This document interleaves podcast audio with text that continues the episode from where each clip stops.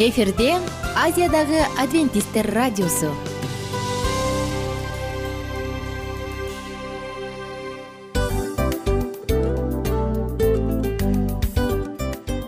Достор салют. Баардык сүйүктүү угармандарыбызга салам айтабыз. Кутман күнүңүздөр менен. Ден соолук өмүрдүн булагы демекчи саламат саамы программасында баарыңыздарды көргөнүбүзгө абдан кубанычтабыз. Анда алгач амандашып өтөлү арбаңыздар деп. Ден соолугуңуздар кандай элибизде көбүнчө ден соолук кандай дегенде эле жакшы деп жооп беребиз э ооруп турсак дагы жакшы дейбиз. Анан мен муну айтып ойлойт элем бул абдан сонун сөз депчи анткени бул жакшы деген үмүт да э ооба баары жакшы болот баары сонун. Деп үмүттөнүп атып эле өзүбүздү өзүбүз дарылап коебуз. Анысы кандай? Сиздин дагы ден соолугуңуз жакшы беш деген үмүттөбүз чындыгында ден соолук бул өмүрдүн булагы деп бекеринен айтылган эмес деп ойлойм. Кыргыз элинде анткени эгерде ден соолук жок болсо анда адамдын жашоосунда калган баардык керектүү маңыздуу нерселер өзүнүн баалуулугун жоготуп коет. Ошондуктан ден соолук бул эң керектүү нерсе. Ооба туура айтасың кесиптешим. Чынында ден соолугуң жок бир эки үч күн ооруп калсаң эле э кандай болуп калат? Жашоодо көз каранды болуп каласың көп нерсеге жетишпей каласың көп нерсени кыла албай каласың жада калса эшикке дүкөнгө да чыга албай каласың. Туптуура анан ден соолук болсо демек биз биздин бактыбыз тотой деп койсок болот. Анда достор саламат саамы рубрикабызды баштайлы. Алдыда өзүңүзгө керектүү болгон сонун кеңештерди уга аласыздар. Мына ошондуктан биз менен бирге болуңуздар. Ал эми биз болсо милан жана айнура. Кеттик алга. Алга саламат саама ден соолуктун жарчысы. Саламат саама ден соолуктун ачкычы. Күн сайын сиз үчүн мыкты кеңештер сонун жаңылыктар кызыктуу фактылар биздин рубрикада.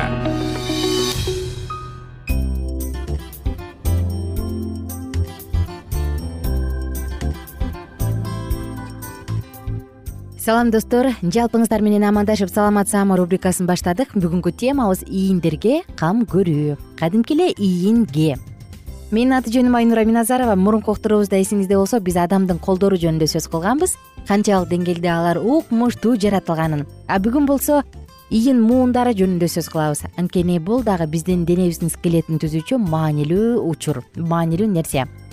Ийинге да кам көрүш керек деп ойлондуңуз беле. Ал канчалык э, мындай чоң же болбосо бекем көрүнгөнү менен бирок ал өтө эле моорт келет. Ошондуктан ага өзгөчө кам көрүш керек ооба достор сиздин ийиниңиз өтө эле моорт келет. Ал дагы кам көрүүгө муктаж. Бул тууралуу алдыда кененирээк айтып беребиз ошондуктан маалыматтын баардыгын алыш үчүн биз менен бирге болуңуздар. Адам жашоосунун үчтөн бир бөлүгүн керебетте өткөрөт тагыраак айтканда уктап өткөрөт ошондуктан уктап жатканда биздин ден соолугубуз кандай болушу керек? Биз кандай жатышыбыз керек? Мына ушул жөнүндө эң биринчи эле болмокчу.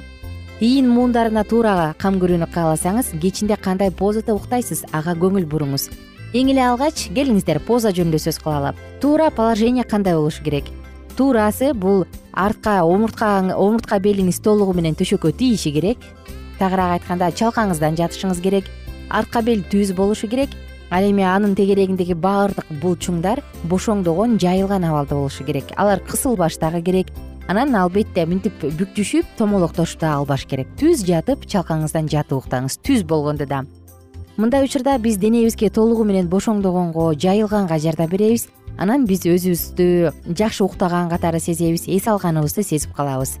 Ал эми тескерисинче эгер сиз туура эмес уктаган болсоңуз түн ичинде тез тез ойгонсоңуз башыңыз ооруп жатса ийниңиз белиңиз мойнуңуз ооруп калса колдоруңуз өзүн сезбей калса алсырап калсаңыз же коңурук тартсаңыз булардын баардыгын тең демек сиз туура эмес жатканыңыздан кабар берет демек балким кеп жаздыкта же матраста сиз жаткан же төшөктө.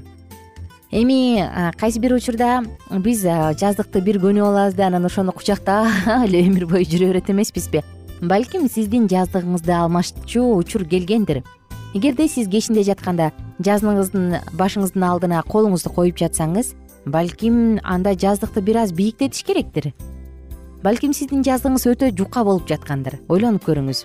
Жана тескерисинче эгерде сиз жатканда мойнуңуз алды жакты көздөй ийилип калгандай болуп атса мойнуңуз чыңалып калса мүмкүн анда жаздык өтө бийик болуп жаткандыр. Жаздык абдан ыңгайлуу болуш керек. Жаздыкты башка жаздагандан кийин ийиндер төшөккө толугу менен тийип туруш керек. Мына ушундай абалда гана ал туруу туура болот. Эгерде жаздыгыңыз ийиндердин жарымына чейин болуп анан мындай жарым жартылай отуруп турган абалда уктасаңыз тилекке каршы анда сиз туура эмес уктайсыз. Анда сиздин ден соолугуңузга чоң көйгөйлөр пайда болушу мүмкүн. Ошондуктан достор жаздыгыңызды матрасыңызды төшөгүңүздү керебетиңизди баардыгын көз алдыңа элестетиңиз. Эмне себептен эртең менен алсырап туруп калып атам эмнеге мен коңурук тартып ойгонуп кетип атам эмнеге артымда белим ооруп калып атат деп? Жакында эле ушундай окуя болду эртең менен турсам мондай кадимкидей кыр арка белим ооруп калыптыр аябай. Анан эмне себептен деп араң монтип араң түздөлдүм да көрсөм мен түн ичинде эстедим моундай кыйшык жатып алып эмнегедир белимди кыйшытып бүкүп алып туруп анан жатканымдычы. Анысы кандай? Кандай абалда жатасыз? Бул өтө маанилүү. Эсиңизде болсо уктуруулардын биринде биз ушул кечкиде жатканда кандай позада жатыш керек кандай позада жатканда эмне болот? Мына ушунун баарын тең сөз кылып бергенбиз. Эсиңизде болсо. Эгерде унутуп калган болсоңуз биздин мурунку уктурууларыбызды карап угуп алсаңыз болот эми жаздык жаздык деп калбадыкпы. Азыркы учурда базарда анатомиялык эргономикалык ортопеддик жаздыктар толтура э? Булардын айырмасы эмнеде булардын эмнеси менен укмуш? Алар эмне моюнду башкача бир укмуштуу кылып коебу албетте кайсы бир э, түрлөрү арка белди түз кармаганга жардам берет. Кайсы бирлери болсо профилактика катары кайсы бирлери кайсы бир ооруну айыктырыш үчүн же абалын жеңилдетиш үчүн чыккан эң негизгиси ортопеддик жаздыкты ала турган болсоңуз анда сиз жаңылышпайсыз. Анткени бул дарылайт деформация жана ар кандай функциялардын бузулушун алдын алат булчуң системаларына жардам берет анан оорулардын пайда болушун алдын алып профилактикалоочу касиетке ээ. Ал эми калгандары жөнүндө сөз кыла турган болсок бул жөн гана базар экономикасы рынок экономикасы. Эми андан ары уланталы достор эми макул биз э, жаздыкты алдык тандадык. Кийинки нерсе эмне албетте өзүңүз физикалык жумуш аткарып жатканда абайлаңыз. Өтө ашыкча жүк келтирип койсоңуз ийиндериңизге. Анда башында мурт дебедикпи ага ийин муундарына жүк келет дагы анын натыйжасында алар сезгенет же булчуңдары катуу тырышат же болбосо суук тийип калышы мүмкүн. Толтура жумуштар бар. Биз кайсы бир нерселерди ийнибизге көтөрөбүз өзгөчө мырзалар малярдык жумуштар бар уна айдаган жумуштар бар баардык баардык физикалык жумуштар колду өйдө карай көтөрүүнү талап кылат. Ошондуктан баардык нерсени кылып жатканыңызда ийиндериңизди жабыркатып албаш үчүн абайлаңыз. Дагы маанилүү момент бул спорт. Албетте спорт жакшы спорт пайдалуу деп келебиз. Бирок ошентсе дагы спорттун кайсы бир түрлөрү э, ийин муундарына өтө чоң күч келтирет эмеспи алар колду баштан өйдө карай көтөргөнгө мажбур кылат. Мисалы сууда сүзүү бейсбол оор атлетика ядроны түртүү метание диск баскетбол теннис пинг понг сыяктуу спорттун түрлөрү колду өйдө карай же баштан өйдө карай Э, көтөрүүгө мажбурлап келет э. Бул нерселерде дагы адам ийинин жабыркатып алышы мүмкүн травма кылышы мүмкүн. Абайлаңыз ашыкча ага жүк келтирбеңиз. Алардын ордуна кезек кезеги менен маал маалы менен эс алып анан иштей турсаңыз болот. Биз достор маанилүү нерселерди айтып жатабыз. Анткени сиздин денеңиз сиздин ден соолугуңуз. Сиздин ден соолугуңуз сиздин келечегиңиз. Адам өзүнүн ден соолугу жок бактылуу сезе албайт э? Баарыңыз мага кошулат болушуңуз керек ошондуктан. Эгерде биз бактылуу болууну кааласак анда өзүбүздүн ден соолугубузга дагы кам көрүүнү каалашыбыз керек экен. Кандай гана иш менен алектенбеңиз? Спортпу же кадимки эле иштер менен алектенесизби сөзсүз түрдө ийниңизге башка орган сыяктуу эле кам көрүңүз. Ашыкча жүк артпаңыз. Оор сумка көтөрө турган болсоңуз дайыма бир ийинге асып көтөрүп албаш керек. Эки ийинге алмак салмак кылып же болбосо моюн аркылуу өткөрүп жеңилирээкүнгү тандаганга аракет кылыңыз. Өзгөчө айымдар э бул деген булгарыдан тигилген деп туруп оор сумкаларды көтөрүп алат эмеспизби? Бул да биздин ийиндерибизге күч пайда кылат күч келтирет. Достор биз кийинки уктурууларда гимнастика жөнүндө сөз кылып беребиз. Ага чейин кайрадан амандашканча сак саламатта туруңуздар. Күнүңүздөр көңүлдүү улансын баардыгыңыздарга кааларыбыз. Ден соолук жана ден соолук. Саламат саама ден соолуктун жарчысы. Саламат саама ден соолуктун ачкычы. Күн сайын сиз үчүн мыкты кеңештер сонун жаңылыктар кызыктуу фактылар. Биздин рубрикада салют замандаштар баарыңыздарга ысык салам. Дил маек программабызга кош келиңиздер. Дил маек рубрикасы дегенде эле бул эмне болгон дил маек? Ким менен маектешебиз деп сурайт болуш керек угармандарыбыз. Бул рубриканы кыскача тааныштыра кете турган болсок ар тарап кесип ээлеринен болгон сонун интервью кеңештер бар. Ооба. Жылдыздар менен болгон маек бар. Аталарыбыздын агаларыбыздын чоң аталарыбыздан сонун кеңештер бар. Ошондой эле эже сиңдилердин кеңештери бар айтор. Баардык кызыктардын баары алдыда негизи эле адам баласы бир кимдир бирөөнө ишенип сырын ачкысы келет эмеспи э мындай баарлашууга жакын келебиз го. Албетте. Негизи бир жерге отуруп алып кенен шашпай баягы жүрөктөн жүрөккө ачып сырларыбызды ар кандай көйгөйлөрүбүз менен бөлүшүп баягы чын жүрөктөн маек курганды кимибиз сүйбөйбүз э? Ооба десең ал нерсеге суусап да келебиз да. Ооба кээ бирде адамга чындыгында баягы э, ысык маек баягы жылуу маек жетишпейт да. Ошондуктан биз ушул рубриканы ойлоп тапканыбызда эң биринчи эле достор сиздер менен чын жүрөктөн бир маңыздуу темаларды козгоп кеткени э, кааладык. Ошондуктан ушундай сонун бир рубриканы тартуулап жатабыз. Анын үстүнө радио дагы сонун дос да анткени э, мындай учурда досуңа айтсаң досуң досуна айтат досу досуна айтат да анан бүт өлкө билип калышы мүмкүн го. А радио болсо сени сатпаган сенин айыбыңды ачпаган сенин сырыңды эч кимге айтпаган сонун дос мына ошондуктан биздин алдыдагы айта турган кеңештерибизди биздин досторубуздун кеңештерин угуп анан ал жака пикириңизди дагы калтырып кайрадан биз менен байланышсаңыздар болот. Деги эле жашооңузга эгерде кичине болсо дагы өзгөрүү алып моралдык жактан нравовик жактан сонун бир кеңештерди алсаңыз демек биз максатыбызга жеттик. Ооба. Чыңгыз атабыз улуу жазуучу э, чыңгыз айтматов айткандай адам болуу бул күнүмдүк процесс экен. Күн сайын адам бойдон калуу бул адамзатка эң эле кыйын дейт э? э эң кыйын дейт. Чындыгында бунун э, негизинде адамдын эң баягы сапаттуулугу адамдын адамгерчилиги жана көптөгөн керектүү нерселер. Мына ошол темалар дагы бизде э, ушул дил маекте биз аларды да козгойбуз. Э, ден соолук жөнүндө да сүйлөшөбүз. Сөзсүз түрдө. Анан милан мырза негизи айтып коюшат го? Э, биз көбүнчө эмнени ойлонсок ошол нерсеге карата иш кылабыз го? Ооба. Анан анысыкандай балким бул радио баракчада кимдир бирөөнүн оюн текшергенге жардам берет кимдир бирөөнүн жүрөгүн текшергенге жардам берет. Балким кимдир бирөөгө жашоонун маңызын тапканга жардам берет айтор кызыктын баары алдыда бул жөн гана кыскача жарнама анда угармандарыбыздын баардыгын кийинки рубрикабызга чакырабыз. Ал эми кызматта маңдайымда отурган кесиптешим милан жана мен айнура. Анда эмесе биз даярдаган терең терең ойлор менен таанышууга кеттик. Алыс алыс баралык анда эмесе достор биз менен бирге болуңуздар. Алдыда эң кызыктуу маалыматтардын баардыгы бир нече мүнөттөр бою жалгыз гана сизге арналат. Мына ошондуктан жакшы маанай менен угууну каалайбыз. Үн алышканча. Жөнөдүк. Ар түрдүү ардактуу кесип ээлеринен алтын сөздөр жүрөк ачышкан сыр чачышкан сонун маек дил маек рубрикасында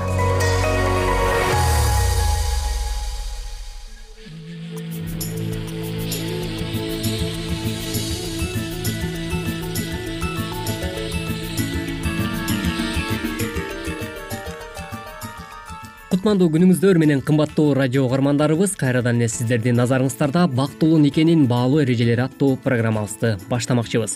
Бүгүнкү программабызда кызматыңыздарда мен улан жана ошондой эле кесиптешим. Саламатсыңарбы жана мен асель биз бүгүнкү уктуруубузда сиздер менен дал ушул үй бүлө жаатында алынган э, ич ара көйгөйлөр туурасындагы маселени кайрадан эле талкууга коймокчубуз. Андыктан бир нече кеңештерге дагы сөзсүз түрдө бүгүнкү уктуруубуздан бир нече кеңештерди бүгүнкү уктуруубузда дагы тыңдай аласыздар. Андыктан биздин ободон алыстабай дал ушул мүнөттөрдө биз менен биргеликте болуңуз. Жанжалдан соң кантип кайра жарашуу керек? Эң биринчи эле бул кечирим сураңыз кээ бир жубайлар урушкандан кийин эки үч күндөн бир жумага чейин бири бирине сүйлөбөй жүрө беришет. Бул туура эмес. Андыктан урушкандан көп өтпөй ачууңуздар тараганда. Сен жана ушул сөздү айтканда мага катуу тийди. Эгер мен сага катуу сөз айткан болсом кечир деп кечирим сурап. Колдон келсе тез эле жарашканга аракет кылыңыз. Көпкө тултуюп жүрө берүүнүн аягы жакшы болбойт чындап эле урматтуу угармандарыбыз бүгүнкү программабызда айтылып өткөндөй эле айрым бир кеңештер сиздердин жашооңуздарга жакшы натыйжасын бере берсин деген тилек менен маегибизди уланта бермекчибиз. Ал эми сиздер болсо ар бир айтылган кеңештерди сөзсүз түрдө жашооңуздарда тажрыйба катары колдоно аласыз деген үмүт менен программабызды улантабыз. Экинчиден э, сиз сюрприз кылсаңыз болот түгөйүңүздү катуу таарынтып алып ал чечилип сүйлөбөй жатса аны кафеге чакырыңыз же ал жакшы көргөн тамакты жасаңыз. Айтор аны менен көп убакыт бирге болуунун жолун ойлоп табыңыз.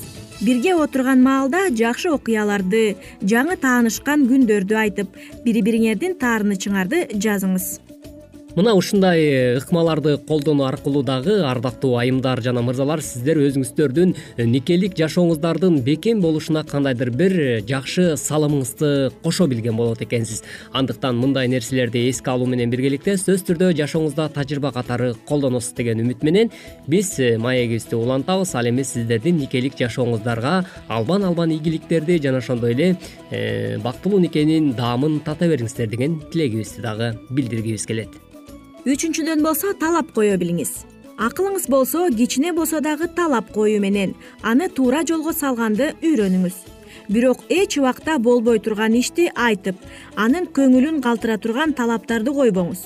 Бул сиздин жарашууга эмес ажырашууга койгон биринчи кадамыңыз болуп калат чындап эле жашоодо баягы өтө эле талапчыл боло турган болсоңуз мунун дагы терс жактары бар экенин эч убакта эсиңизден чыгарбаңыз. Өтө эле талапчыл боло берүүнүн дагы терс кесепеттери албетте сиздин жашооңузда орун алып калат экен.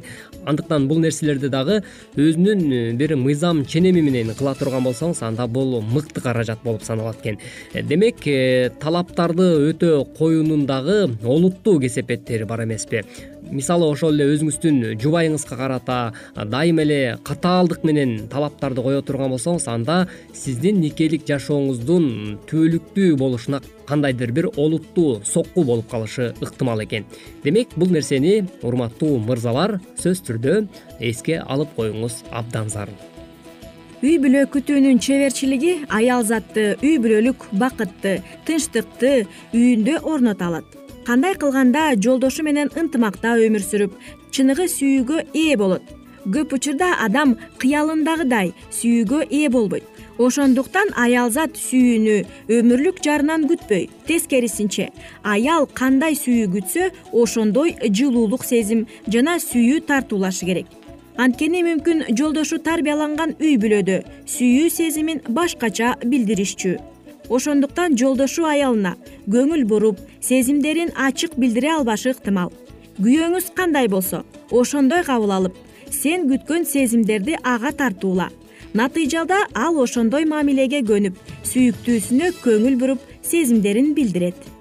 Демек мындай эрежелерди колдонуу аркылуу дагы сиз өзүңүздүн үй бүлөлүк жашооңузда никенин бекем болушуна чоң салым кошкон болот экенсиз андыктан бул кеңештер дагы сиздин жашооңузда өзүнүн жакшы бир натыйжасын бере берсин деген тилек менен кийинки кеңештерге орун берип өтсөк. Аялы өзүн күч менен сүйдүрө албайт. Тескерисинче өзүн күйөөсүнөн алыстатып жийиркеничтүү сезимин пайда кылып алуусу мүмкүн. Мындайда аял күйөөсүнө болгон сүйүүсүн тартуулап көңүл буруусу абзел. Дүйнөдө телегей тегиз үй бүлө жок. Анткени телегей тегиз болгон адам болбойт.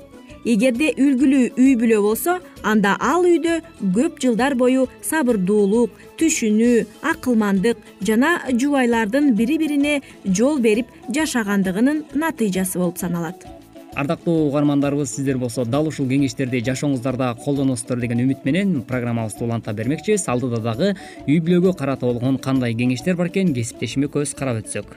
Аял эркекке караганда маанайга жараша берилип кетет аялга сүйлөшүп ичиндегисин чыгарып алуу маанилүү. Угуп жаткан адам акыл кеңеш айтпаса да жөн гана айтылган нерсени түшүнсө жетиштүү болуп саналат экен. Ал эми эркектер логика менен өмүр сүрүшөт. Кыйынчылык эмнеден улам чыкканын билгенден кийин аны чечүү жолун издешет. Аялдарды сүйүү деген анын айтканын уга билүү. Эркек уга билбесе аял өзүнө көңүл бөлдүрүүнүн ар түрдүү ыкмаларын издей баштайт экен айырмачылыктар көп. Карым катнаштын негизги принциптерин түшүнгөн жан сүйүктүүсүн жүрөгүндө ачкычтап алат. Ошентип ардактуу угармандарыбыз бүгүнкү уктурууда дагы сиздер дал ушул үй бүлөдөгү болуп жаткан ич ара пикир келишпестиктер башкача айтканда чыр чатактардын алдын алууда э, кантип биз ушул көйгөйлөрдөн чыгышыбыз керек? Башкача айтканда э, жогоруда биз программабыздын башында атап өткөндөй эле э, убактылуу кандайдыр бир бири бириңиздер менен ажыраган учурларга орток болуп калган учурларда сиз кантип кайрадан өзүңүздүн өмүрлүк жубайыңыз менен бириге аласыз? Ушул жааттагы айрым бир кеңештерибизге бүгүнкү программабызда кулак салдыңыз бүгүнкү уктуруубузга назар салганыңыздар үчүн ыраазычылык билгизүү менен биргеликте ушуну менен бизге бөлүнгөн убактыбыз дагы өз соңуна келип жетип калды. Кайрадан эле биз сиздер менен бактылуу никенин баалуу эрежелери аттуу берүүбүздөн кезиккенче ар бириңиздерге аманчылык тилемекчибиз. Демек урматтуу угармандар кийинки ободон кайрадан эле сиздер менен дал ушул аба толкундан үн алышканча сак саламатта болуңуз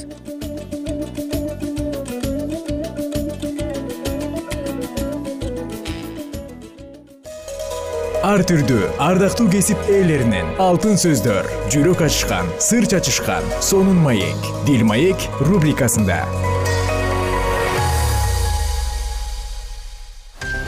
Жан дүйнөңдү байыткан жүрөгүңдү азыктанткан жашооңо маңыз тартуулаган жан азык рубрикасы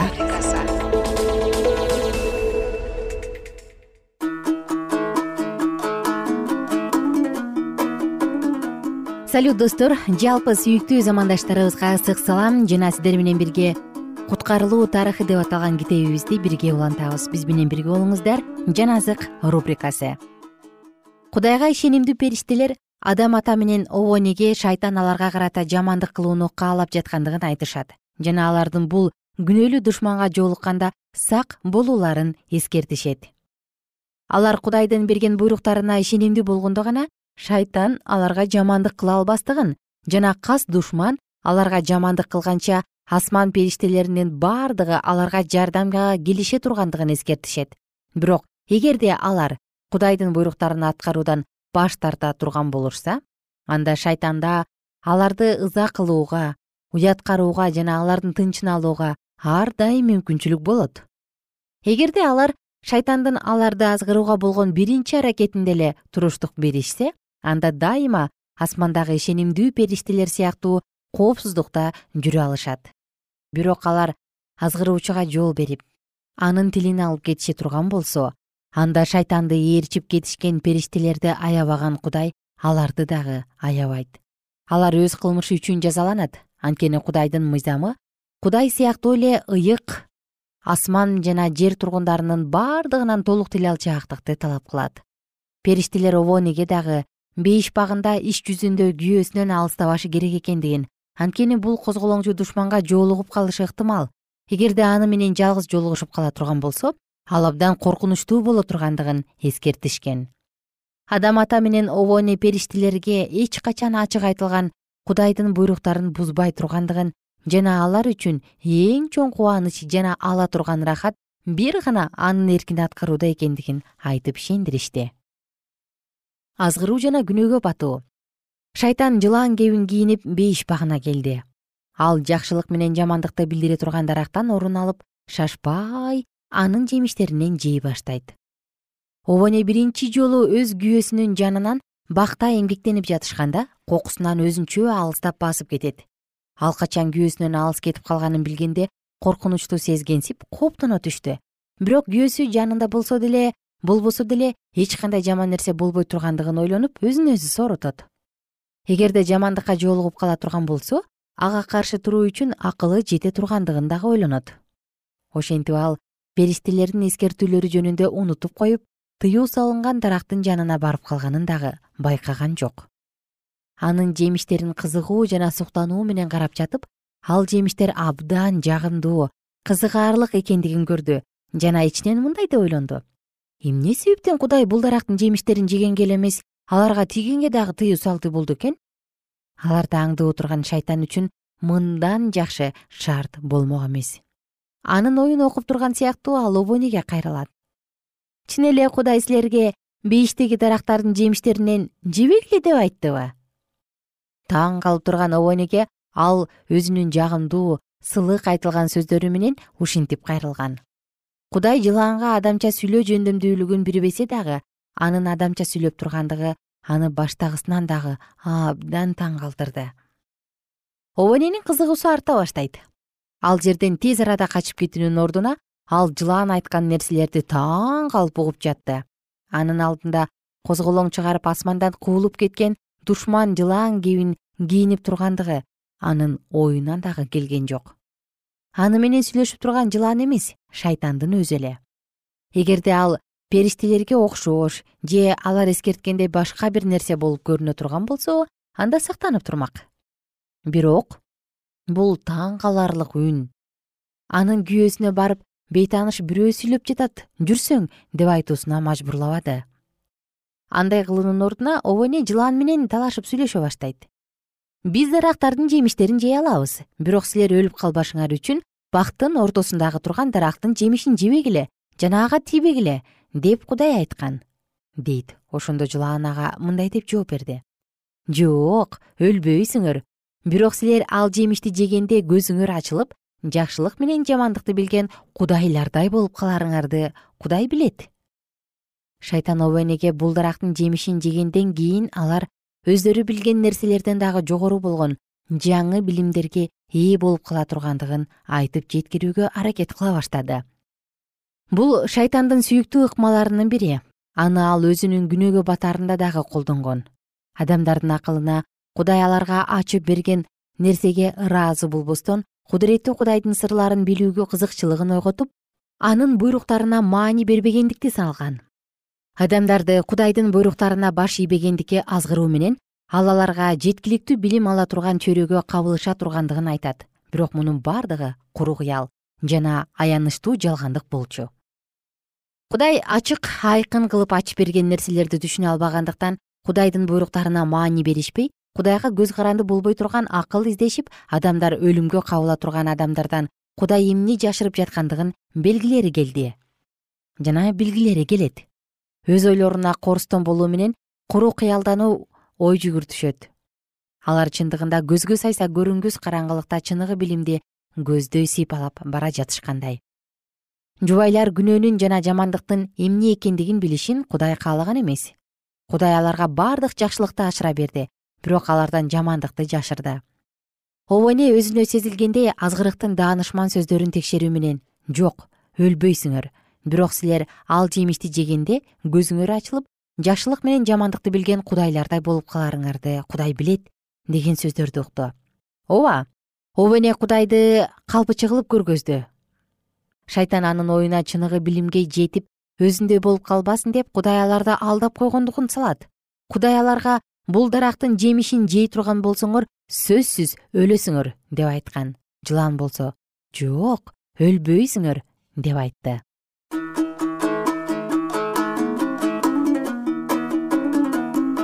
кымбаттуу досум.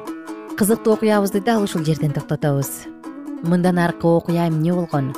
Дүйнөгө эмне болуп күнөө кирген? Мына мунун баардыгы тууралуу алдыда кененирээк сөз кылабыз. Ошондуктан биздин алдыдагы уктурууларыбызды калтырбаңыздар тыңдаңыздар жана биз менен бирге болуңуздар. Өзүңүздүн жашооңузда чоң чоң суроолорго жооп алып куткарылуу тарыхын биз менен бирге түзүңүз. Жалпыңыздарга көңүлдүү күн кайрадан амандашканча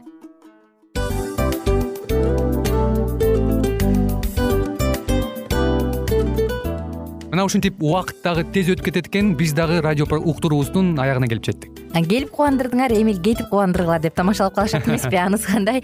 Радио баракчабызды программабызды азыр эле баштап аткандай болдук элек мына соңуна келдик э? Негизи убакыт э, билинбей өтүп кетет экен?